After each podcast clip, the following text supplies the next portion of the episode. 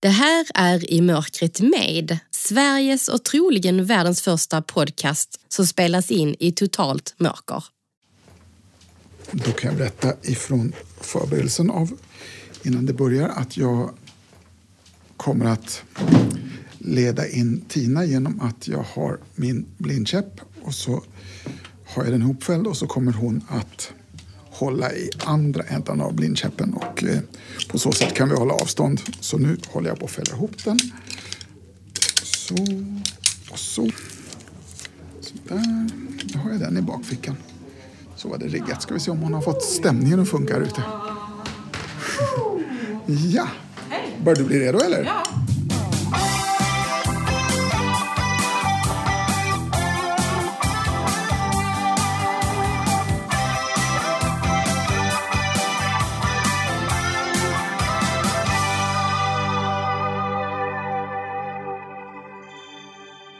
Kära lyssnare, det här är nypremiären av I mörkret med. Och jag heter Anna Bergholtz. Och vi hoppas på att ni är lika taggade som vi är över att I mörkret med är tillbaks. I det här första avsnittet kommer vi att möta en person som fastän hon aldrig spelat eller sjungit lyckades ta sig in på Viskolan i Västervik. Idag är hon en hyllad visartist och aktivist som ger röst åt människor som sällan hörs. Och bland annat har hon gett svensk industrihistoria ett nytt ansikte genom att lyfta kvinnornas berättelser. Då kör vi igång. Det här är I mörkret med Tina Wilhelmsson. Och nu, nu försvinner ju ljuset för dig. Ja, jag gjorde det. Och, Jag håller gitarren rakt fram här mot dig. ja, Ja, fast mot kroppen antar jag. ja men precis. det är bra. Och skulle jag gå rakt fram nu så skulle jag krocka in i pianot. Men så kul ska vi inte ha det. Så då går vi bredvid pianot. Och nu kommer vi, upp i, nu, eller kommer vi ut i själva matsalen. Kommer upp på en matta. Och sen ska vi gå igenom en liten, en liten öppning här nu i, i en vägg. Där är det lite trångt. Ja, då har vi klarat det. Och när vi har gått, gjort det så kan jag berätta att vi passerar Anna. Men Hej Anna! och så är vi på en matta. Går det? Det går bra! Med stapplande steg så. Ja. Vad fint att höra din röst live. Ja. Nu ska vi se. Här någonstans tycker jag vi stannar. Ja. Eh, håller du käppen? Eller Ja. vill du hålla i gitarren? Eh, Jag kan hålla gitarren. Mm, bra. Ja. För, eller egentligen tänkte att du skulle lägga ner den nu. Ja, ja, ja. På bordet. Okej. Mm. Och bordet, det är... Ja, precis. Rakt ner där. Där. Jag har ett glas här nu va? Så inte... Ja, jag, jag skyddar glaset just Nej, nu. Ja, ja. Ligger gitarren där, tycker du? Ja. Vet du vad? Kan inte du skjuta halsen åt mitt håll? Hitåt. Bra, nu närmar sig nämligen halsen. Nu är den ju jättebra. Du pratar om gitarrhals. Så. Vad Nu, d- där. Tina, Nej, min hals. Ja. antingen så... Antingen om du följer kanten på bordet, Ja. det är kanske det smartaste. Ja. Då ska du in hitåt nu då. Okej. Nu har jag ställt mig bakom den stol du ska sitta på. Och det var mikrofon. Bra, exakt. Och du, om du tänker nu att du tar din högerhand åt mitt håll på bordet. Träffar, du- ja, det där träffar du på gitarrhalsen. Ja. Bra. Om du går tillbaka nu då och så går lite längre bort på bordet sakta så ska du hitta ett glas vatten. Tänker, nej, åt andra hållet. Nej, åt mitt håll. Ja, Åt ditt håll. Jag spelar inte vattnet i gitarren nu. Där är vattnet. ja, precis. Ja. Ty- tycker- Åh, stort glas. Tackar. Ja, tycker du att du har kontroll över läget nu? Nu har jag ingen kontroll över någonting. Det- det är Eh, bra. Men det känns Det jättebra. Det är så det ska vara. Du, då, då, då tycker jag att ni ska börja prata. Så Ja. avlägsna mig så ses vi längre fram. Ja. Tack så mycket för hjälpen. Ja, varsågod. Åh, vad härligt att vara här hos dig. Äntligen. Ja, verkligen. Det, Ja. Vi har ju försökt att planera och så kom corona och så. Ja. Och du är på väg till eh, Fågelsta festival, Ja, rösträttsfestival. Det är därför du är i Stockholm nu ja. Ja, exakt. Vad är det du ska göra där Eh? Jag ska eh, sjunga några visor. Eh, Vi ska ju fira eh, att kvinnor har haft rösträtt i Sverige 100 år satte ett stort eh, partaj på Fågelsta Ja. i, nu i helgen. Vad är Fågelsta? Jag tänker för de som inte Eh, vet det vad det är för är något. ju liksom på något sätt där kvinnorörelsen började väl på många ställen. Det är fel att säga att det började där, men det var en stor och viktig plats för, för rösträtten för kvinnor och så. Eh, man utbildade kvinnor i, i demokrati. När vi väl hade fått rösträtten så var det ju inte så många kvinnor som gick och röstade. Så att då behövde man utbilda kvinnor i demokrati. Man fick öva, man hade mycket rollspel, mycket kursverksamhet och sådär. Och det var ju de här ledande, Elin Wägner och de där som höll till där och utbildade kvinnor. Från alla klasser och alla åldrar. Ja, fantastiskt. Så nu har kvinnorörelsen liksom köpt tillbaka den här platsen. Det är häftigt. Ja. Hur är det annars då, Tina? Jo, men det är bra. Jag eh, har ju haft liksom... Eh, eftersom alla mina spelningar blev avbokade i, i och med pandemin eh, och så började jag plugga på distans. Så att jag har liksom varit instängd och isolerad under väldigt lång tid. Jag pratade med, med en nära vän och min sambo häromdagen och att, att jag har blivit en mer ängslig person. Så därför är det väldigt bra för mig att, utsätta mig för detta. Jag skulle precis säga, Ja. och så kommer du hit Ja. eh, till Stockholm, Ja. eh, massa folk och så dessutom in Ja. i mörkret. Det är jättenyttigt för mig. Jag liksom vill inte vara ängslig, men jag, jag blev det under Ja. den här pandemin. Men är det, är det något nytt eller har du känt så tidigare eller är det nytt för dig att känna den ängsligheten? Och... Ja, både och. Men jag har ju alltid liksom struntat i den på något sätt. Mm. Jag har gjort grejer ändå. Jag har ju liksom backpackat ensam runt i världen och alltså gjort mycket sådär, varit orädd av mig. Men det här blev liksom... Ja, men det var lite... Du vet som folk kan bli när de blir liksom lite äldre, gam, liksom, Att man blir lite så rädd för saker och ting. Ja, men jag kan känna igen mig i det. Ja. För jag har ju flyttat ut på mitt landställe, hyrt ut Ja. lägenheten och hållit mig där ute. Och det är liksom först nu under sommaren som jag har ja, varit i Skåne, varit uppe i Norrland och vandrat har jag gjort. Eh, ja, men, och träffat, inte mycket folk, men lite mer folk. Och det är verkligen en omställning. Ja. Mm. Men man får också vara snäll mot sig själv nu, tänker jag. Att liksom skynda långsamt på något sätt och ta Ja. det så att man inte bara slänger sig ut och börjar må dåligt eller så. Men, Ja, det tror jag låter klokt. Ja. Du måste ju berätta för folk som lyssnar nu vem du är, Tina. Ja, precis. Jag heter Tina Wilhelmsson då och eh, kommer från Västerås ursprungligen. Eh, och kommer från Ånge nu idag då, där jag bor, ute på landet med min sambo. Var ligger Ånge?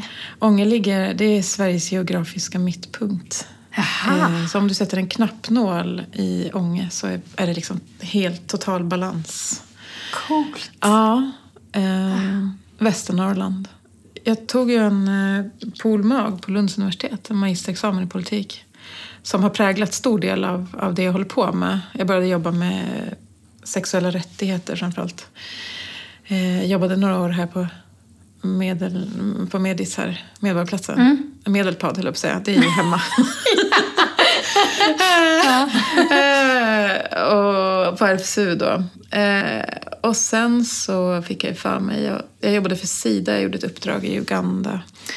Och eh, fick för mig att jag ville bli artist. Så jag åkte hem till Sverige och gick visskola i Västervik. Eh, folkhögskola. Och ja, sen dess har jag i princip spelat då. Ehm, så jag har turnerat som, eh, ja, vad säger man, eh, sexualpolitisk, eh, feministisk visartist. Där.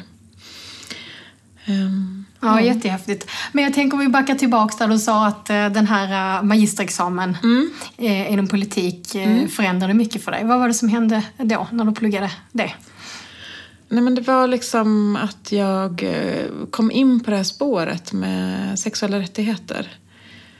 Eh, och eh, jag skrev min magisteruppsats i Uganda om, om sexuella rättigheter också. Och det har liksom sen påverkat allt jag gör. Ehm, eh, och jag, jag är ju en aktivist och uttalar mig ofta i de här frågorna. Det är, nog, det är bland det första jag gör. När jag, jag har flyttat mycket i mitt liv och sådär. Så det första jag gör när jag kommer till en ny stad så brukar jag uttala mig i de här frågorna. Ta reda på vad, eh, regionen, hur man jobbar med de här frågorna och, och hur det ser ut i skolorna. Jag erbjuder liksom hjälp och stöd till lärare och så. Hur kommer det sig att det blir just sexuella rättigheter då? Uh, jo, det var när jag faktiskt första, en av de första terminerna där i Lund så gick jag runt eh, bland, eh, det heter välkomstgille för nya studenter. Så gick jag runt bland alla de här borden och det var jättehäftiga liksom, studenter som stod och de hade, på, ja det var mycket, men det mesta handlade om liksom, alkohol. Det såg lite annorlunda ut kanske på den tiden, på 90-talet. Eh, men det mesta liksom, de försökte locka då nya studenter till sina organisationer och föreningar med, med liksom, åh, vi festar så mycket och så här. Och sen satt det ett, en liten organisation där. De bara, äh, vi jobbar med så här, sexuell hälsa bland Lundstudenter. Och de stack liksom ut så mycket och jag var så här, va? Vadå, på vilket sätt då? Och sen så, ja, så blev jag engagerad i den där föreningen, blev ordförande där och sådär. Så jag har gått många nätter och delat ut kondomer till fulla studenter i Lund. Ja, ja. jätteviktigt. Ja. ja, verkligen. Ibland har jag liksom kommit fram i, i, i stridens hetta, jag säga. Nej, men man har kommit i sista sekund. Ja. Man ser vad som på att hända. den här ängsligheten, den hade du inte då i alla fall. Nej, då gick jag bara rakt in. Ja, ja, ja. Eh, ni behöver upp, upp, upp, här nu. Exakt. Ja. Jajamän. Ja. Eh, skulle jag aldrig göra idag, kan jag säga. Men, är det så? Eh, ja, ja. Nej. Nej, häftigt. Ja, verkligen. Ja. Men om vi backar tillbaks då. Du är uppvuxen i Västerås. Mm. Född 1977, precis mm. som jag. Mm. Ett mycket bra år. Mm, verkligen. ja. eh, hur var du som barn då? Mina föräldrar har berättat för mig att jag, jag var arg och glupsk, skulle jag säga. Eh, mina föräldrar berättade att jag skrek tills jag svimmade många gånger. Och pappa fick göra så konstgjord, liksom, och blåsa i munnen på mig. Så. Nej men gud! Ja, för att jag var, jag var så förbannad så jag kunde liksom inte hantera. Ah. Så att jag, och det var nästan innan jag kunde eller jag kunde precis stå upp, liksom, så jag höll mig i dörrhandtaget och så skrek och skrek och skrek tills jag svimmade. Liksom, och så sprang de fram och försökte liksom väcka mig. Då. Eh, så att jag var och ganska arg, så här, ganska arg i skolan. Och mycket, så här, mina föräldrar fick komma liksom, till skolan och de sa att ja, Tina, det går bra, så här, men hon är väldigt arg. Av vad? Um, Minns du det? Jag vet inte. Det var väl den där lilla aktivisten i ja. mig på något sätt. Precis. Um, och sen var jag ju väldigt glöpsk. De fick ju dra ut liksom. När de gav mig en banan så tryckte jag bara ner den så att jag kvävdes liksom. Eh, Oj! På, ja, så att de fick liksom dra upp den ur halsen på mig. Det var väl typ... Jag var ganska arg och uh, hungrig som barn. ja, ja, ja, Hungrig på livet och ja. uh, arg på...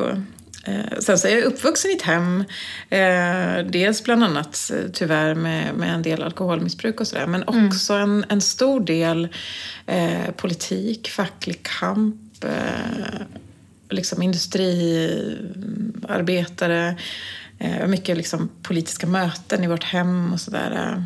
Pappa var ju väldigt eh, radikal liksom sådär. Eh, och sen så i, vi hade likadana träningsområden hela familjen för vi spelade i samma fotbollsklubb. Ah, coolt. Eh, så det var mycket fotboll och sådär. Ja, men då har du fått det med dig hemifrån på något vis, den här kampen där? Ja, men precis. Mm. Jag lyssnade ju på pappa liksom, där i Folkets park på första maj varje år han höll tal där om arbetarnas rättigheter och så. Mm. Och det har ju såklart präglat mig. Och jag pratar alltid politik med pappa. Det är ju... Eh, ja, det blir väldigt... Mm, ganska högljudda ibland. Vi tycker olika och så. Men ja. eh, alltid eh, spännande diskussioner hemma hos ja. pappa. Men, men alltså, du bestämde dig för att, att då gå den här vyskolan sen i, i Västervik då. Mm. Mm. Hur kommer det sig att det blev det? Nej men jag eh, satt och bara... Eh, jag vet inte varför, jag, men jag kom in på någon webbsida. Och så började jag läsa om en, en kurs i vistolkning eller sånt där. Och så började jag gråta jättemycket. Och jag grät väldigt sällan på den tiden. Och då tänkte jag att jag måste ta reda på varför jag gråter. Och sen så åkte jag på den här, det var en helgkurs tror jag. Och bara kände att det här är mitt, det här är mitt språk, det här är mitt, den här berättartraditionen. Um, visan tycker jag är så fantastisk för visan väjer liksom inte för, för sorg och död och smärta och sånt. Det finns ju också alltså, vackra sommarsånger och sådär men till skillnad från andra genrer så, så väjer den inte för ja, allting finns med liksom ifrån livet. Och då det... Jag blev helt störtförälskad i visan och sökte in då till en utbildning. Um, när jag sökte vid skolan då så satt jag framför en jury. Det var ju etablerade artister då inom genren. Och de eh, meddelade ju sen att jag hade ju ingen... Jag kunde inte sjunga, jag kunde inte spela gitarr. Men de såg att jag var så himla taggad. Så att eh, Wow, vi, tror att, vi tror att du kan lära dig på den här skolan. Men hur kändes det att höra det då? Att du kan inte sjunga, du kan inte Ja, spela. Klockrent. Hade de sagt något annat så hade jag nog blivit arg för att eh, eh, då hade de ljugit, tänker Ja. jag. För jag kunde varken spela eller sjunga då. Så, så du hade inte alls hållit på med musik? Nej, Nej, gud vad aldrig. häftigt. Jag, hade ju liksom, jag var ju på idrottssidan när jag Ja. växte upp och sådär. Jag hade ju ett starkt förakt mot kulturarbetare och förstod inte liksom de här esteteleverna. Och det var en kulturkrock för mig att komma in på den här folkhögskolan. Jag, jag dunkade ju folk i ryggen och liksom eh, sådär. Och de tyckte att det gjorde annat, ont. Ja. Ja. Jag kunde inte prata om känslor, jag kunde inte... Jag kom ju från en helt annan liksom, kultur. Och så blev det ändå en sån dragningskraft när du förstod Ja. att det här är min grej. Ja. Det är häftigt, fantastiskt. Ja. Men hur, eh, hur gick det sen då? Jag tänker bara en sån sak nu. Du, du sjunger och spelar och har ju jobbat med det här i flera år nu. Mm. Vilken resa, hur, hur var den? Jo, men det var, det var fantastiskt. Ja, vi hade en, en lärare som sa till oss att eh, det går inte att leva på musiken, bara så att ni vet det. Och det är jättekonstigt av en lärare att säga så. En, det var en gästlärare, en, en etablerad artist faktiskt, som lever på musiken. Eh, det går inte. Och då blev jag så himla, jag blir ju så arg sådär jämt i livet. Ehm, så tänkte jag, jag- jag ska, jag ska visst göra det. Så att jag hade 200 spelningar första året. Aj, Alltså det var otroligt. helt absurt. Eh, Så jag och eh, min kompis bästa vän Sofia, vi startade en duo och spelade och turnerade. Alltså vi var aldrig hemma. Vi sov ju vi sov på soffor och på golv. Och, ja. Men 200 spelningar satte vi per år de första åren. Ja. Och hur lyckades ni med det då? Jag vet inte. Vi, vi körde allt möjligt. Eh, Alla möjliga liksom. Vi gjorde barnföreställningar och vi turnerade på nästan alla anstalter och häkten i Sverige.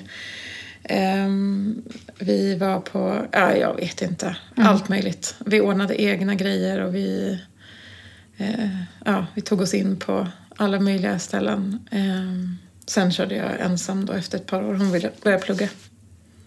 Vi måste nästan kolla. Ulf, är du här i kulisserna? Vad, säger du Ulf? 200 spelningar när läraren säger att det går inte. Mm. Jo, nej, men det, alltså, det finns ju en sanning i vad läraren säger, men eh, jag är också en sån som har visat det. för för Ja. jag, jag har ju också, Ja. fast just i detta rum har jag ju ja, men typ 180 spelningar om året. Ja, precis. Så, så jag, jag har ju också på något sätt byggt min egen scen Ja, för att framföra mitt budskap. Visst, fantastiskt. Vad härligt att höra. Men har du varit på Svartklubben förut Tina? Nej, det Nej. har jag inte. Men eh, jag var på ett, en, ett, kår, i ett kårsammanhang, en studentkår, där vi fick eh, ögonbindlar under en hel middag. De ville ge oss en upplevelse av känslan här inne på Svartklubben. Eh, även om det inte var riktigt samma. Hur känns det nu när du har suttit här en liten stund? Ja, men det, jag tycker det är jätteskönt. Det är så skönt. Och det är väldigt behagligt att sitta här med er två också. Ska vi ta fram? Jag tänkte med tanke på att Tina är lite glupsk här. vi kanske måste bejaka den sidan. Ja. är du fortfarande det? Om Ja, du skulle... det är du. Ja. Eh, Men du får inte sätta i halsen nu här för då blir det jobbigt. Ja, nej, men det här är inte så, det är inte så farligt. Nej, det är det inte. Det är ingen banan i alla fall kan jag säga. Så att, eh, Nej, det är bra. du behöver inte dra den ur halsen på det. Ungefär där vi hade glaset, där är fortfarande, där får du en servett. Jaha, tack. Bredvid servetten så får du en skål. Eller på servetten. Ja, sen är det din sak att vara glupsk. Vad är här då? Åh, choklad. Ja. Nämen, tackar, tackar. Gillar du choklad? Mhm. Mm. De flesta gör ju det, men det finns ju också folk som inte gör det. Mm. Såklart, ja. Apelsinchoklad. Eller? Nej, Nej. Nämen. eh, något som är lite mer somrigt. Hallon. Ja, Ah, det är det. gud vad... Tack så jättemycket. Den var god. Mm. Mm. Mycket. Och flera bitar fick jag. Ja, det är bara äta. Åh. Gud vad trevligt. Du får ju berätta lite mer, Tina, um, om um, dina visor. För du har ju eh, verkligen gjort ett gediget arbete också bakom dina visor, tänker jag. Du får berätta. Det började med en visa som heter Jag vill tacka Ikea som jag skrev. Eh, och eh, där jag liksom eh, lyfter upp kvinnor som jag tycker... Eh, jag räknar upp i låten kvinnor som jag tycker har blivit raderade ur våra skolböcker i skolan. Historieböckerna i skolan. Eh, och i slutet, sista versen där, så sjunger jag om eh, kvinnor inom industrin. Att de inte finns med i svensk industrihistoria utan det är män, männens berättelser. Och eh, så då i, i samma veva som det så fick jag Västerås stads kulturstipendium. Eh, och då använde jag det stipendiet för att kritisera Västerås stad. Eh, jag liksom vände det mot dem där jättekonstigt hur jag tänker. Men jag tänkte för att de har en, rest en stor liksom, offentlig staty, offentlig konst på torget där. En hyllning till de som har byggt upp svensk industri. Och det är bara män i den här statyn. Eh, och då tog jag hjälp av radio och tidningar och så började efterlysa de här kvinnorna som var med på 40, 50, 60-talet. Och de levde ju fortfarande, eller lever fortfarande. Så började jag intervjua dem och det var, ju- det var ju fantastiska berättelser. De hörde av sig till mig och vi träffades och sådär. Och så gillade jag den här tanken jättemycket. Om att, eh, ja, men att berätta faktiska berättelser. Eh, så jag skapade ett koncept, eller man ska säga ett projekt eh, som heter Visa verkligheten. Och så är det då olika teman. Eh, så att eh, efter Industrikvinnorna så gick jag över till hbtq-personer. Eh, så första albumet då heter Visor på ackord eh, som handlar om industrikvinnor då. Som har jobbat på verkstadsgolvet. Och sen så eh, det albumet jag jobbar med nu heter Queeralitet. Queer-personer berättar om sin verklighet. Hur kommer det sig just att du väljer att eh, skriva om andras liv, så att säga? Nej, men jag, och inte jag, utifrån dig själv? Jag eh, skrev ju, jag tror jag skrev 70 visor om mig själv först.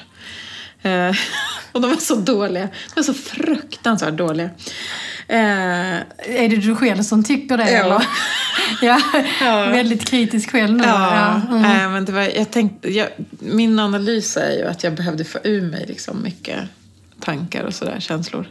Eh, och sen när jag hade fått ur mig allt det så kunde jag börja liksom skriva eh, så innan jag började skriva om andra så skrev jag ju ja, men, en hel del så feministisk, där jag liksom min egen frustration och så. Vad kunde det handla om då? Eh, exempel? bland annat så vände jag ju på... Jag, jag har tagit en del klassiska visor och så vände jag bara på perspektiv. Jag bytte plats på Cecilia och Fredrik till exempel. Mm. Och så sjunger jag om en fattig piga. Eh, Istället för en fattig beundrare. Ja, precis. Eh, men sen kände jag att jag var, nu, har jag, nu har jag fått ur mig allt det. Och, jag vill, eh, och det som fascinerar mig, det är berätt, alltså jag tänker att alla människor bär på en historia. Och den historien vill vi höra. Och jag tänkte på också att eh, eh, de här kvinnorna då som jag intervjuade inom industrin, de, de förstod inte varför jag intervjuade dem. För att deras liv var ju inget intressant. Och så sitter de där på, i en panel liksom, på releasefesten, är fullsatt inne på Länsmuseet och folk gråter och gråter. Och, eh, så tänk att det man, det man tänker, eller ja, att, men vadå, jag har väl ingen historia. Men sen när man berättar så kan det bli så himla fint. Så att... Eh, jag bestämde mig för att fortsätta med det helt enkelt. Jag känner ju igen det, det är därför jag är journalist ju. Ja. också. För att uh, få ta del av alla de här berättelserna. Och, och jag tänker det handlar ju så mycket om att alla blir ju inte sedda. Nej. Eh, och där kan ju både du och jag tänka liksom, ja, man kan göra någonting åt det. Mm. Vad, liksom, vad har varit syftet med, med de här visorna då som är baserade på intervjuer med, med kvinnor då som har jobbat inom industrin? Syftet med det albumet var ju, jag kallar det för eh, ett komplement till svensk industrihistoria. För det jag märkte var att först var det ju massa kvinnor som kom. Och sen så försökte jag liksom eh, jag har försökt förklara för folk, för det är många som hör av sig till mig och vill att jag ska skriva musik utifrån deras, deras berättelse och det är fantastiskt. Men jag måste lita jättemycket på min kropp. Så att jag går, när jag hör någon berätta och jag får rysningar på kroppen, då vet jag att den här berättelsen ska, ska jag göra någonting med. Och får inte jag några rysningar så säger jag, jag är ledsen men det hände inget. Mm. Din historia är jätteviktig men jag ska inte berätta den. Eh, och då ja, träffade jag en massa kvinnor och sen så valde jag ut då de som, de som tilltalade mig. Jag lärde känna de här kvinnorna. Jag intervjuade dem individuellt ett par gånger och sen träffades vi i grupp också. Till slut så säger Olga då, som var 91 då, när vi körde intervjuerna, så sa hon Hörni tjejer, ska vi berätta för Tina som det verkligen var? Och så nickar de andra. Och då började de berätta för mig om sexuella övergrepp på arbetsplatserna. Ja. Uh, och jag frågade om jag får ha med det här i låtarna och det får jag. Och det var då jag tänkte att det blir, det är det här som gör att det blir ett komplement till svensk industrihistoria. För jag kan inte, uh, jag är väldigt fascinerad av svensk industrihistoria kan jag säga också. Jag tycker det är väldigt spännande. Men jag kan inte minnas att jag någonsin har hört eller läst om, om sexuella övergrepp inom industrin Nej. på det sättet. Så jag har ju spelat den här eh, mycket med Eh, Eh, jag spelade den på IF Metalls kongress, fackförbundet i Göteborg. Folk sitter och gråter och kommer fram efteråt och berättar om övergrepp de har varit med om själva på jobbet idag. Liksom. Så det är ju en, det är återigen det spåret med sexuell hälsa och sexuella rättigheter. Jag vill ju folkbilda. Jag vill ju utbilda. Jag brukar tänka mig, min målgrupp är P4-lyssnare. Det är liksom min pappa han har alltid på P4 i bakgrunden. Och så tänker jag att de, det finns många människor som har P4 på i bakgrunden. Mm. Och där vill jag att min musik ska spelas. Gör den det? Ja, det gör den. Eh, det gör den. Mm. Och eh, då vill jag att folk ska känna igen sig framför allt. Eh, så det tar väldigt lång tid för mig att skriva de här låtarna. Jag vrider och vänder på varenda ord liksom. Och sen så vill jag också skicka med någonting. Liksom, mm. sådär. Och det är det mm. jag tänker också, det här gemensamma som med Ulf. Mm. För Ulf, det är ju också, jag tänker, ditt kall, eller mm. hur? Mm.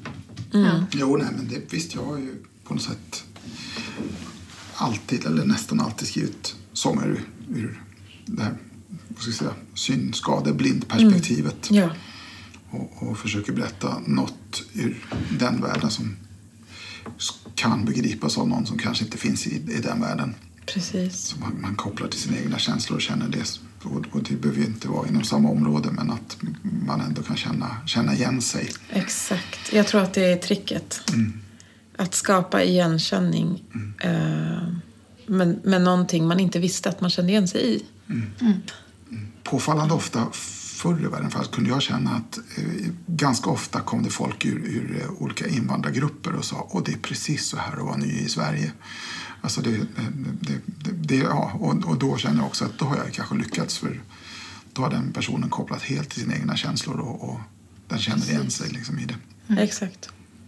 Mm. Vilken bekräftelse. Mm. Mm. Men vad för respons brukar du få Tina? För jag tänker att det, det kan ju vara ganska provocerande med kan jag tänka mig för en mm. del.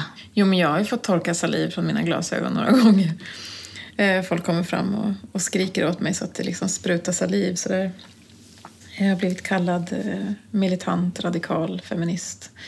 Eh, jag tänkte på det, jag satt här utanför och, och bara ja, kände lite på gitarren och sådär. Det var ingen, ingen som lyssnade för alla går med sina hörlurar. Så det var roligt. Jag satt på torget här och sjöng fantastisk musik och alla går förbi med lurar. Alltså sorgligt. Ja, eller hur? Jag bara, åh, nu missade ni en industrivisa. Men ehm, det var en man som kom fram till mig och sa eh, du sjunger alldeles för bra för att sjunga om kvinnor. Och det där har jag tänkt på mycket. Han tyckte det var slöseri. Liksom. Eh, och det där är så sorgligt på så många plan på något sätt. Vad sa du då? Liksom, hur svarar man på det? Och hur svarar man på det? Jag minns inte. Jag var bara så... Jag blev så ställd. För då har han liksom suttit där och, och tänkt jäklar vad bra det här var. Liksom. Vad synd att det handlar om kvinnor. Ja, Jag fattar inte. Men eh, det är ju det. Och det är därför jag, jag berättar om kvinnor. För att... För att där, där det saknas, tänker jag. Får vi höra någonting nu då, Tina? Eh, Ja, precis. Nu är vi ju jättenyfikna. Vad, vad känner du att du skulle vilja spela? För du har ju, som du sa, gjort visor från lite olika perspektiv då. Mm. Den här Olga som uppmanade de andra kvinnorna till att våga börja liksom berätta hur det var. Eh, och det är intressant, det var första gången de berättade för någon överhuvudtaget. De är liksom över 90 och första gången de berättar om de här övergreppen. Ehm, Hade de pratat med varandra Nej. om det tidigare? Nej, inte ens så. Ingen Nej. har aldrig satt ord på det. I, i, och det märktes för att de var ovana att prata om det. Ehm, men det var fantastiskt. Eh, Olga Lundgren då. ehm, jag tänkte jag skulle sjunga hennes berättelse. Hon eh, började jobba på 1940-talet. Västerås Industri som hette ASEA då. Vi hade releasefesten på, för det här albumet på Västmanlands länsmuseum i, i juni och hon bokade sin färdtjänst i februari för den här kvällen. Så hon var liksom så taggad.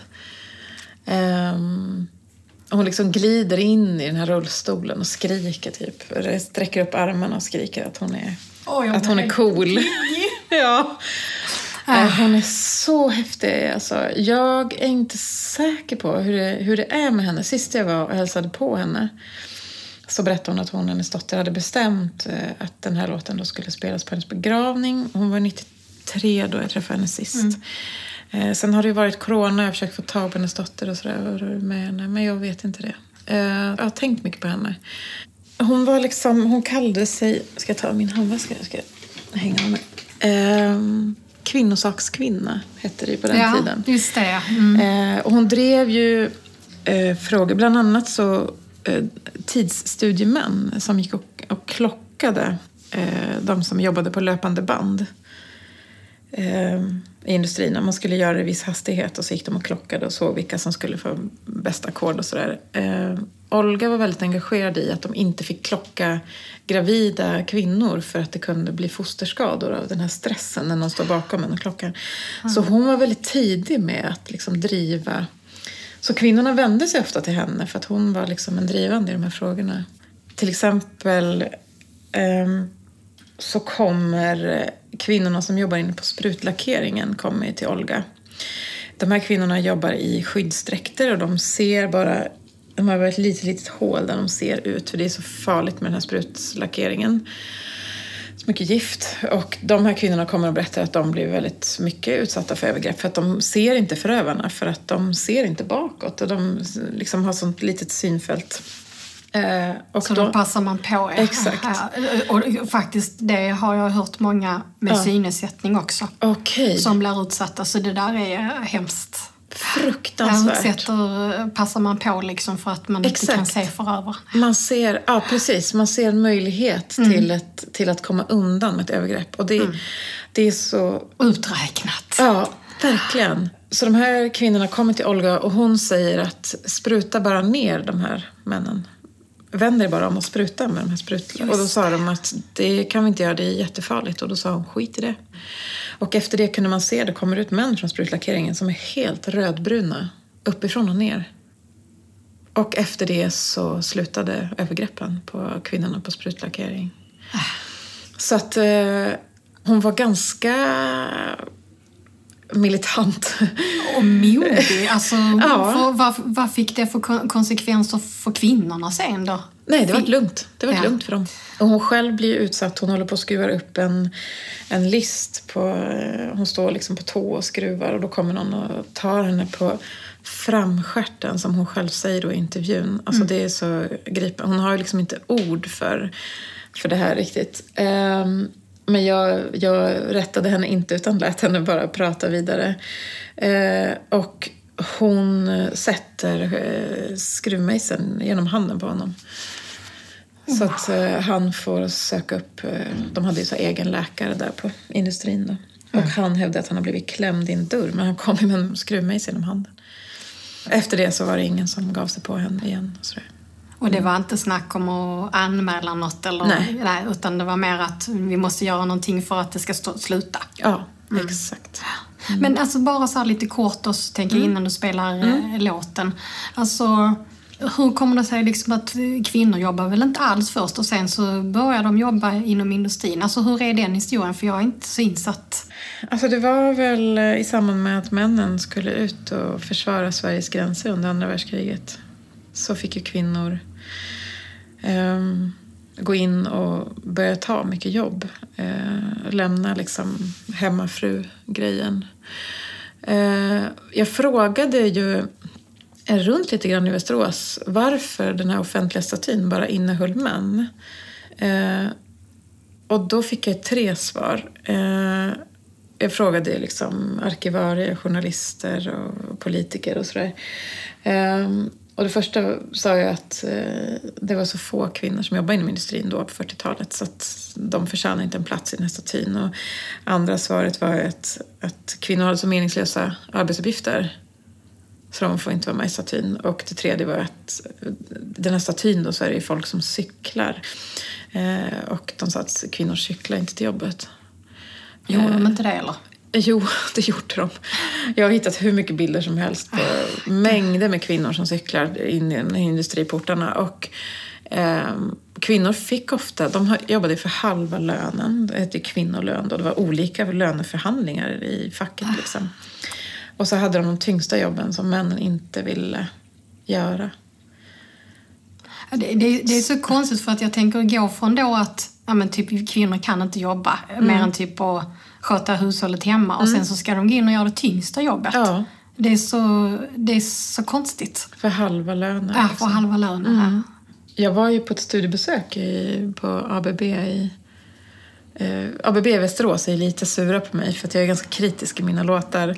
Så där har jag inte fått komma in så mycket. Eh, men eh, i Karlskrona så kände de inte till mig. Så där släppte de in mig. Och då, då fick jag se, i en av mina låtar så sjunger jag om så här koppar... Eh, liksom, eh, kopparrullar på något sätt. Eh, och så pekade jag på en sån där och så sa jag att ja, men det var såna där som eh, Ingeborg bar runt på. Eh, och då sa de, nej men de kan man inte bära. Vi har ju robotar som lyfter dem där. Så bara, ja, jo, nu för tiden ja. Men kvinnorna bar ju de där rullarna med koppar på. Eh, så det gick ju inte så bra för henne. När kvinnor kom ut och började jobba då och inom industrin. Eh, alltså hur upplevde kvinnorna det själva? Tyckte man om att få komma ut och jobba? Eller hur? Alltså, för, och så sen samtidigt så var det ett extremt tufft jobb. Ja, precis. Men min upplevelse är, efter att ha pratat då med många kvinnor, är att det var en sån frihet. Att få sin första egna lön, att få liksom egna pengar och kunna bestämma över sitt eget liv. Att, ja, sån enorm frihet, även om det var ett väldigt tungt jobb. Och det är ju, eh, jag har också skrivit en visa om, om Britt-Marie som jobbar som barnarbetare i, i Västeråsindustrin. Eh, och att hon var så här, visst det var tufft och det var, men det var också väldigt mycket Systerskapet var väldigt starkt. Så i hennes låt har, har jag vävt in lite sådär kring systerskapet. Och hon berättade liksom att, att de äldre kvinnorna ställde sig fysiskt i vägen. För för barnen var de en, var ännu mer utsatta för övergrepp av, av manliga kollegor. Så att de, de vuxna kvinnorna ställde sig rent fysiskt emellan. Liksom. Hon sa att den upplevelsen att känna sig, att bli skyddad. Liksom, att, att någon ställer sig i vägen och skyddar min kropp, det är liksom jättestarkt. Och de gjorde det ganska liksom ordlöst sådär, bara ställde sig i vägen. Mm. Ska, vi, ska du köra Ja. Olgas låt då? Ja. Hur tror du att du kommer gå och spela lite. här i mörkret Tina? Alltså jag har faktiskt suttit hemma, övat och blundat. För att jag skulle vänja mig vid liksom känslan. För jag tänkte att jag kommer, det kommer vara jättekonstigt för mig. Jag ska försöka få hit min gitarr här. Hur Eh, gick det då, tyckte du? Jo, men det var, det var, det var ganska skönt. Eh, Annars är jag ju väldigt sådär mån om att liksom skapa kontakt och sådär. Ha ögonkontakt med min publik och sådär. Alltså jag tänker du då som är seende så att säga. Ja. Behöver man se gitarren? Hon spelar, det märker. Nej, nej, nej. nej, nej. Nej, precis. För jag Nej. tänker man tittar väl inte ner på gitarren? Nej, exakt. Direkt. Nej, Mm. det gör, eller jag gör inte det. fall. Den här låten heter då Det flyger flisor.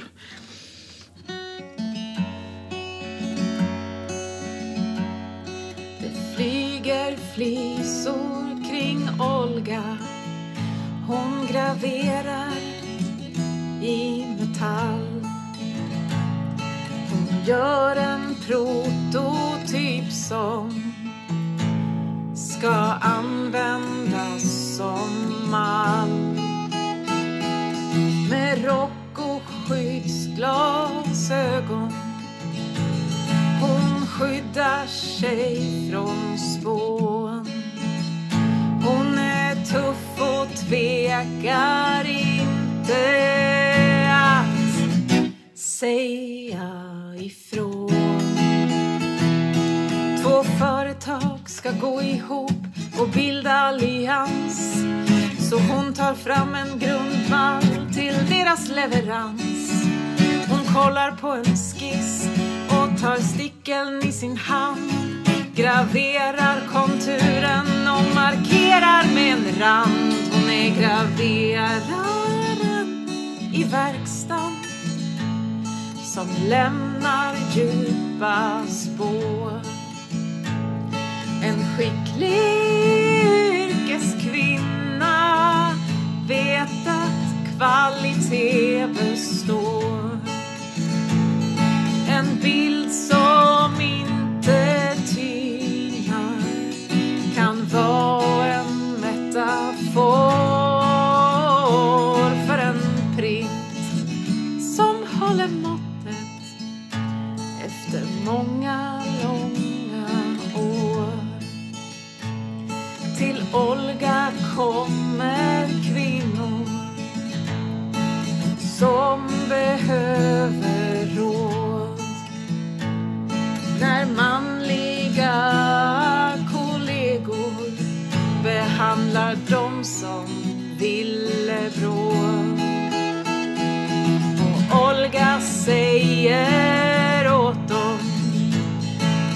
svara med attack. Slå dem med ett verktyg eller spruta dem med lack. En man går över gränsen och tar på hennes kropp. Då slår hon till med mejseln för hon vill ha stopp på män som trakasserar kvinnor inom industrin. Olga står och skakar full av adrenalin. Hon är graveraren i verkstaden som lämnar djupa spår. En skicklig yrkeskvinna vet att kvalitet består. En bild som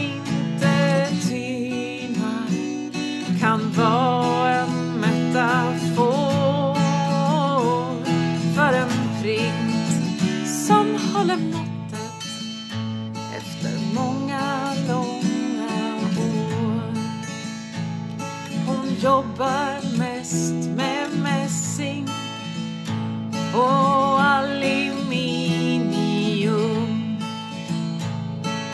Fräsmaskinen står mitt i hennes arbetsrum.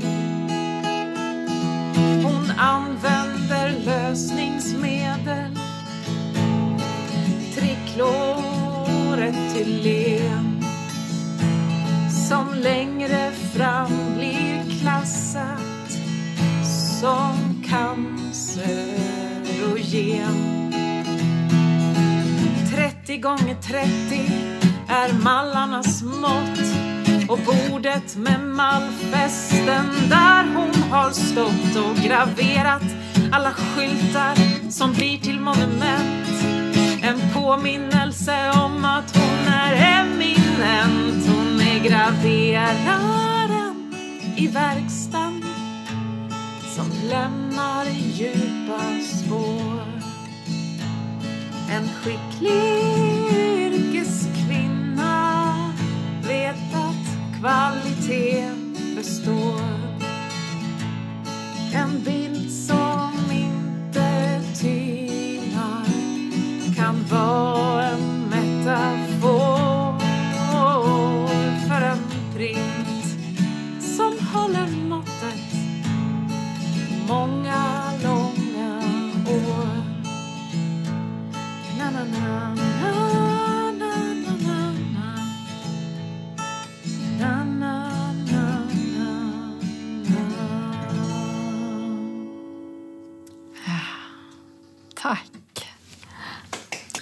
Varsågod. Ja, ja vad sa Ulf? Ja. tycker om berättande visor. Jag kan säga att det är Josefin Berge som har gjort musiken och det är jag som har skrivit texten. ja. Men alltså, jag tänker också hur omsätta deras berättelser till en vistext. Hur, hur har det varit? Det är ju en ganska ångestfylld resa kan man säga. Ja, för Eh, jag tänker det är någon annans berättelse med. Ja, precis. Ehm, de personer jag skriver om eh, skriver jag också med, kan man säga. Eh, de är med från allra första början eh, och sen så kollar ju de igenom texterna liksom under flera gånger under processen och sådär. Ehm, och Olga var faktiskt ganska tuff. Eh, Såklart. hon, eh, hon godkände eh, texten när vi stod i studion, alla musiker. Och vi skulle spela in, vi hade producenten där och vi hade hyrt studio. Och liksom musikerna kom från, både, från olika städer och så satt. Och då fick jag besked från henne. Nu är den bra, liksom. eh, så det var lite nervöst. Innan hon sågade mig ganska rejält. Genom hela processen. Så där, att det där stämmer inte. Det skulle vara exakt rätt allting och sådär. Vilket jag uppskattade väldigt mycket. Men det blir också svårt. Jag fick skriva om och skriva om och skriva om och skriva om. Eh, Men hon godkände den där när vi stod i studion.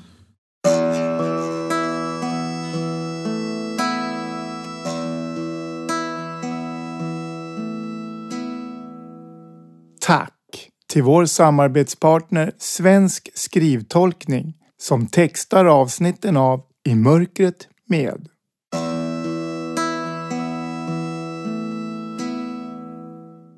Eh, men du träffade ju också eh, din sambo eh, när du spelade. Jag var uppe i Sundsvall och skulle spela på Kulturmagasinet. Heter det. Jättefint ställe där. Jättegulligt. Fin scen. Eh, publiken var lite eh, äldre sådär som det kan vara. Det var en lunchföreställning. Och jag skulle spela en föreställning som heter Raderade kvinnor som jag brukar köra. Och då hade hon sett, för vi, jag följde henne på Twitter nämligen, för hon heter Teaterflatan på Twitter och tänkte att det, det låter ju bra, den måste jag följa. Eh, så vi blev vänner på Twitter och då såg hon i tidningen att så här, Nej, men, oj, den här eh, Twitter-vännen som jag har, hon ska spela i Sundsvall. Eh, av någon anledning, ehm, hon förstod inte riktigt varför, men hon, hade varit, hon var långtidssjukskriven för utmattning och har gått runt i, i myskläder i ett år. Eh, och hon klär upp sig till tänderna. Hon sätter på sig kostym, alltså hon har fluga och hon sminkar sig och tar på sig liksom smycken och, och slirar in där. Eh, och jag ser ju henne direkt. För jag är så här, åh det är en queer person här och resten är liksom pensionärer. Och hon, eh, så fort hon kom in i det rummet så tänkte hon att där är den personen som jag ska leva med. Eh, innan jag hade gått upp, jag stod innan, liksom vid sidan av scenen innan. Men då bestämde hon sig att nu, är det hon som jag ska ha. Eh, så att hon försökte ju liksom... eh, Jag har en låt som heter Ställ dig i kön där jag sjunger om att, eh, att jag är så fantastisk och vill du vara med mig så får du ställa dig i kön för att det är så många som vill vara med mig. Eh, och eh, då kommer hon fram efter föreställningen och säger du den där kön, jag skulle vilja ställa mig i den. Och då... Eh, eh, jag tror att hon skämtar eh, och säger att ja men visst det går bra, du kan skriva upp det på en lista, det ligger där borta. Och sen så skiljs vi åt där och så ja, addar hon mig på Facebook. Och jag inser, jag åker hem till Göteborg där jag bor då och inser att om jag accepterar det här så kommer det förändra mitt liv. Jag var heterosexuell vid det här tillfället. Jag var ju bara 38 år så att jag hade ingen aning om hur livet var. Ehm, 38 år och du hade Ja. inte känt så innan Nej. från en tjej? Eh, jo, det hade jag ju. Men hade jag, du, men du har inte- eh, ja. Precis, min inre homofob var så otroligt stark. Och jag hade ändå jobbat med de här frågorna. Jag har stått på liksom barrikaderna i Europa och i världen och kämpat för hbtq-personers rättigheter. Och själv tillät mig inte, liksom, tillät inte mig själv att eh, uttrycka det. Jättekonstigt och sorgligt. Eh, två veckor senare, tror jag, träffades vi första gången. Och då följde hon med mig på turné i två veckor. Eh, direkt. Och sen så flyttade jag in hos henne eh, efter en månad. Och på vilket sätt förändrades livet då? På alla sätt. På alla sätt. Och jag, jag har ju innan det varit en väldigt eh, eh, praktisk person. Och jag har inte förstått när folk har pratat om, om kärlek på det sättet. Och att man gör liksom... Man tar eh, liksom förhastade beslut, eller man ska säga. eh, I, I kärlek och passion och förälskelse. Och jag bara tyckte att det varit så ansvarslöst. eh, och inte igenom. Man måste tänka igenom och man måste liksom... Och men efter det så sa jag bara att jag dömer ingen. jag hade ju med mig flyttlådorna upp liksom på först, andra dejten då. Så att... Eh, Ja, när det, när det varit känns rätt så, så går det ju oftast väldigt fort. ja men precis. Ja. Det var liksom... Det är inte så komplicerat heller, det Nej. är bara så självklart. Nej. Och då helt plötsligt så ska jag ju komma ut som gay för mina föräldrar. är 38 år. Eh, jag ska komma ut för min familj. Eh, ja, Hur för gick det då? det gick jättebra. Det gick väldigt bra.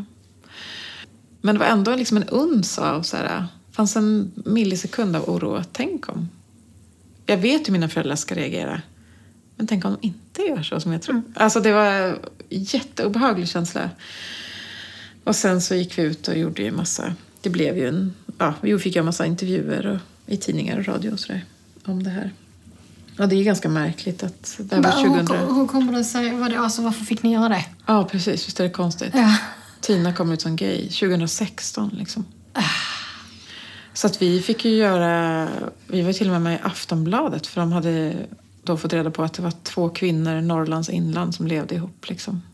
Nej men gud. Ja, så de gjorde hemma hos-reportage Ja. hos oss och pratade med oss om hur det var att vara liksom lesbisk i Norrlands inland. Men hur kommer det sig att ni valde att vara med på det? Mm, det var ju mitt beslut kan man säga. Maria ville ju absolut inte. Hon tyckte det här var, varenda intervju tyckte hon var jätteotäck.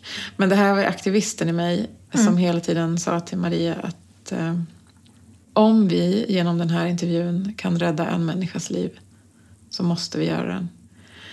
Eh, om vi kan få en förälder att acceptera, eh, respektera eh, liksom ett barn som är queer eller så måste vi göra det. Eh, så att det var därför vi gjorde det. Det var ren politik. Liksom. Nej men jag förstår det. Mm. Jag förstår det men jag förstår också det där liksom dubbla att, alltså det är helt knäppt liksom. Ja, så när jättekonstigt. ska man, hur länge ska vi hålla på och bara komma ut liksom? Ja, Men Tina nu, nu har du ju liksom gett dig in på en annan bana i livet Ja. också. Du pluggar ju till präst. ja, precis. Det är ju eh, jättespännande. Ja. Jo, men jag, eh, jag började läsa teologi 1997 eh, Eh, på Lunds universitet.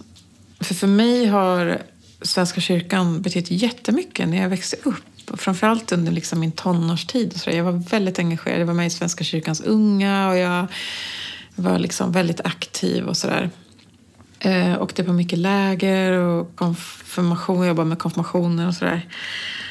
så för mig var den vägen ganska självklar, att sen börja läsa teologi. Eh, men sen så tappade jag lite det när jag kom till Lund. Flyttade in på korridor, bodde liksom med jurister och teknologer och sådär. Eh, den här barnatron, eh, eller vad man ska kalla det, den, den här naiva på något sätt, men också fina, eh, den, den blev liksom kraftigt ifrågasatt av både mig själv och andra. Och så, där. så att jag tappade fart och hoppade av helt enkelt. Och sen så är det som att eh, någon har eh, med jämna mellanrum knackat mig på axeln och så här, ropat lite ”Hallå, vart tog du vägen?” eh, Och jag har bara viftat bort det och tänkt att nej, nej, jag ska inte tillbaka. Liksom. Och varför det? Varför har du viftat bort det? Det passar inte ihop med liksom vetenskaps... Jag är liksom en eh, person som tror på vetenskap och sådär. Eh, och det här är eh, tankarna kring tro och det blev för komplicerat tror jag för mig. Eh, men jag har ju alltid haft min tro. Eh, jag har ju alltid varit kristen under ytan. Smygkristen som vår eh, kyrkoherde brukar kalla oss. Eh, och sen så, de här knackningarna blev ju mer och mer intensiva under åren. Och sen nu till slut så var det som att det var en känsla av att någon puttar mig så kraftigt i ryggen så att det blir liksom spår i jorden när jag spjärnar liksom med fötterna. Och då orkade jag inte hålla emot längre. Eh, och då blev det... Eh, jag hade jättemycket bryderier kring det här och jag ältade. Eh, och så tänkte jag att nej, men det, det räcker, jag kan se... När jag står på scenen och jag... Det, det, som, det är close enough. Det, jag kan se det som att jag predikar. Ja, just det. räcker inte det? Eh, och det, det räckte ett tag. Och sen så kände jag att det räcker inte. Ah, det räcker inte. Eh, och jag liksom började varannan dag hemma så sa jag att jag ska söka till präst. Och sen så sa jag att nej, vad tänkte jag igår? Vad tokigt, ska jag absolut inte. Jag är artist. Och sen så till slut så började Maria lägga Bibeln på min kudde när vi skulle gå och lägga oss. Så sa hon att börja läs. Börja läsa den där boken. Jag blir galen på ditt tjat. eh, och så började jag läsa och sen så bestämde jag mig för att nej, men jag söker prästutbildning. Och så gjorde jag det. Eller teologikandidat, eller teologimagister. Och så kom jag in och så bestämde jag mig för att nu ska jag försöka bli präst. Och det var som att, det var, ett, det var som en stor suck bara. Eh, och allting, den här kraften som har irriterat mig i så många år och liksom puttat mig framåt, den bara försvann. Men vad, eh, vad är det som just har dragit dig så till att bli präst? Vad är det du liksom vill med att vara präst, tänker jag? Alltså som, som du inte har kunnat tillgodose innan. Jag vet inte om du vet vem Rebecca Tudor är? Nej. Eh, hon har en podd som heter Präster med gäster som är väldigt fin. Aha, Eh. Hon är präst här i Stockholm någonstans. Jag chattade ju rätt mycket med henne. Hon är liksom queer-präst och sådär. När jag började liksom seriöst fundera på att söka utbildningen så pratade jag rätt mycket med henne och då sa hon, hon uttryckte det som att jobba i kärlekens tjänst. Att eh, jobba med kärlek, att det är det man gör som präst. Eh, och sen har jag känt mig ensam i, när jag står som artist och jag är aktivist och sådär. Klimatkatastrofen är ett faktum. Vi, eh, det liksom blåser otäcka liksom, vindar i Europa med intolerans och, och otäcka åsikter och så. Jag måste kroka arm, kände jag. Jag, jag klarar inte att stå i det här liksom själv. Och så kände jag att nej, jag måste in någonstans. Eh, och kyrkan, jag började kolla upp också, Svenska kyrkan är väldigt drivande i hållbarhetsfrågor, diskriminering. Flyktingfrågan har ju liksom kyrkan varit helt fantastisk. Och, och då när jag började inse så här, att sen jag lämnade, eller jag har ju aldrig lämnat kyrkan, men eh, jag var aktiv då på 90-talet så har det hänt så otroligt mycket. Och det finns så mycket progressiva präster. Och så mycket liksom, feministiska präster och queera präster. Och Så jag började liksom samla på mig de här. Så jag har liksom ett gäng Massa runt mig. Ja. Ja, diakoner och präster som, som har samma... Och så kände jag bara, nu krokar jag arm. Nu känner jag att vi... Eh, nu gör vi det här tillsammans. Eh, och med våran tro som, som eh, botten på något sätt. Jag bär ju alltid ett kors runt halsen nu för tiden. Och det var lite så som när jag kom ut som gay, att jag började ha på mig symboler. Regnbågssymboler på olika sätt och sådär. Eh, och sen efter ett tag behövde jag inte det längre kände jag. Eh, och det var lite samma känsla när jag skulle sätta på mig ett kors. Eh, så att jag har ett litet silverkors runt halsen nu för tiden. Och det var jätteläskigt i början. Att komma ut som kristen. Sådär. Men det känns bra. Vad var det som var läskigt med dig då? Det var väl också min in, inre eh, krist, kristifob, vad heter det? Ja, vad heter det? Eh, Jag vet Ja, faktiskt ja. inte vad det heter. Nej. Ehm, nej, men jag tänkte att jag, ja men du vet det klassiska att jag lägger, som att jag skulle lägga Mm. liksom tankar i dig som du inte ens har. Alltså, jag förutsätter att du tror saker om mig. Eh, bara för att jag har ett kors runt halsen. Mm. Eh, men jag har ju ingen aning vad du tror om mig. Och det där är ju... Ja, jag tänker att det är mänskligt, men det är också... Ja men Nu- verkligen. Men jag tänker också så otroligt starkt du har varit Tina alltid. För jag tänker alla de här sakerna, homofoben i dig Ja. och kristofoben i Ja. dig eller vad det nu heter. Ja. Då är jag ändå, nej, nu, nu ska jag liksom vara mig själv. Mm. Det är jättehäftigt. Ja du, nu har vi suttit här en stund. Ja, Hur känns det? det känns, eh, det känns jättefint. Det här är ju ett fantastiskt sätt att mötas på, tycker jag. Det händer ju någonting. Ja, vad händer? Tycker du? Eh, jag blir, eh, min självmedvetenhet försvinner ju. Försvann, ska jag säga. Jag har ingen aning om hur jag sitter, höll jag på att säga. Nej, men jag har liksom... Ah, sitter som en tonårs... Hasar ner på stolen och bara, har du, har du bra? Har du gött? Det, det är samtalet som är det viktiga.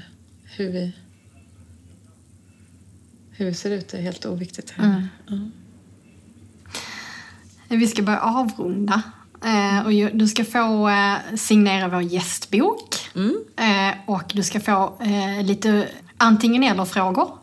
Mm. Och sen ska Ulf också avsluta med en låt. Åh, vad roligt. Ja! Te eller kaffe? Kaffe, Kött eller grönsaker? grönsaker, Bok eller film? film. Tankspridd eller fokuserad? Eh, oh, svårt. Både och. Eh, fokuserad, säger jag. Man får säga både och. Ja, Hemmakväll eller utekväll? hemmakväll. Nytt eller gammalt? Gammalt. Prata eller lyssna? Prata. Ljus eller mörker?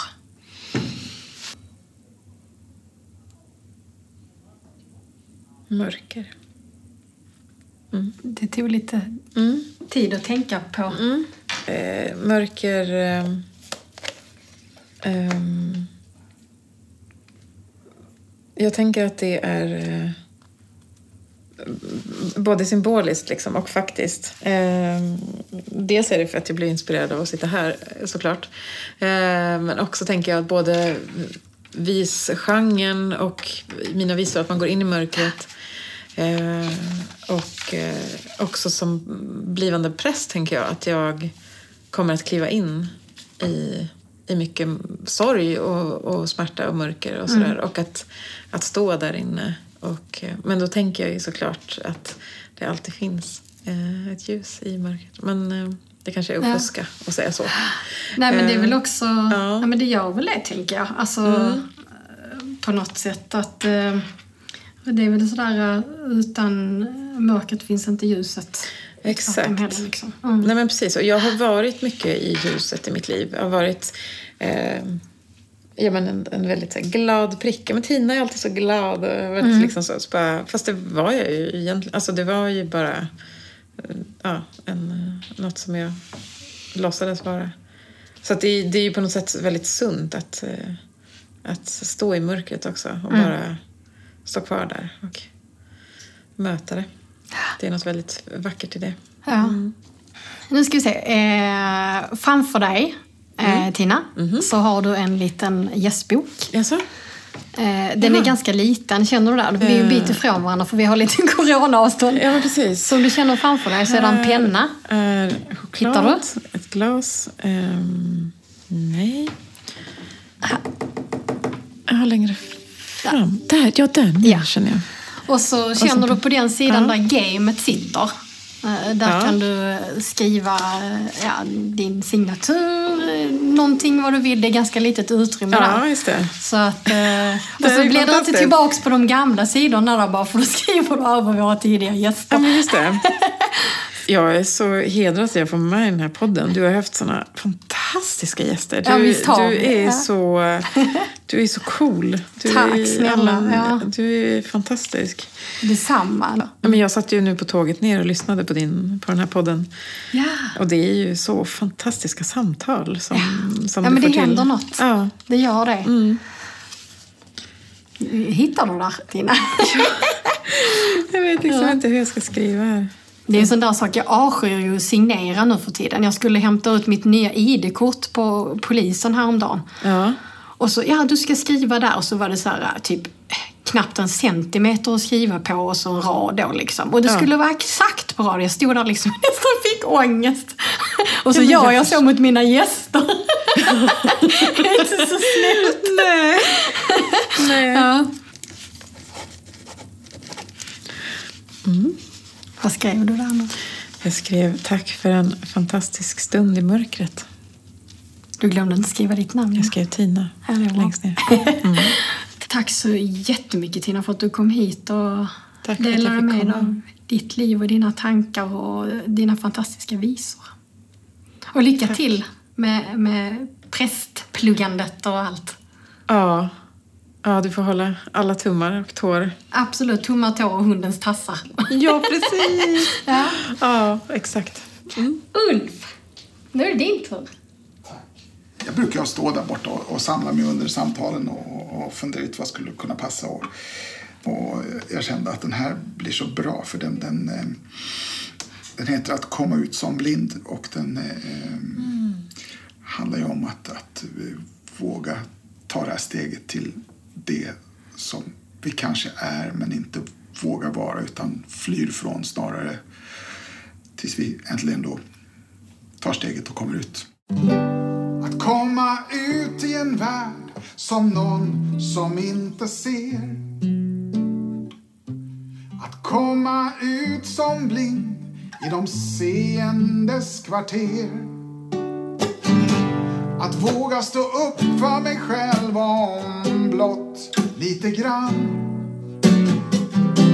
Att omfamna det som jag är och allt som jag kan.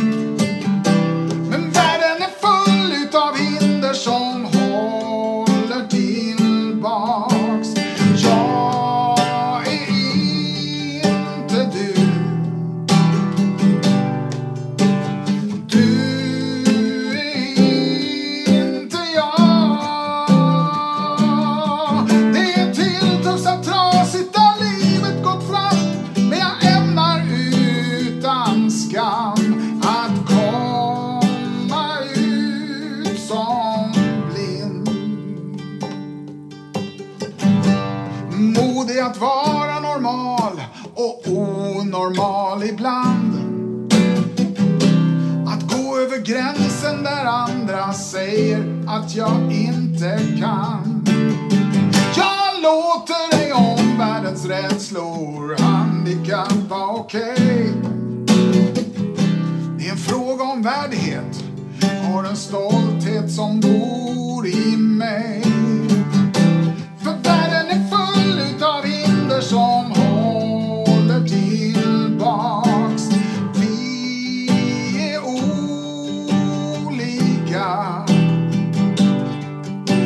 Och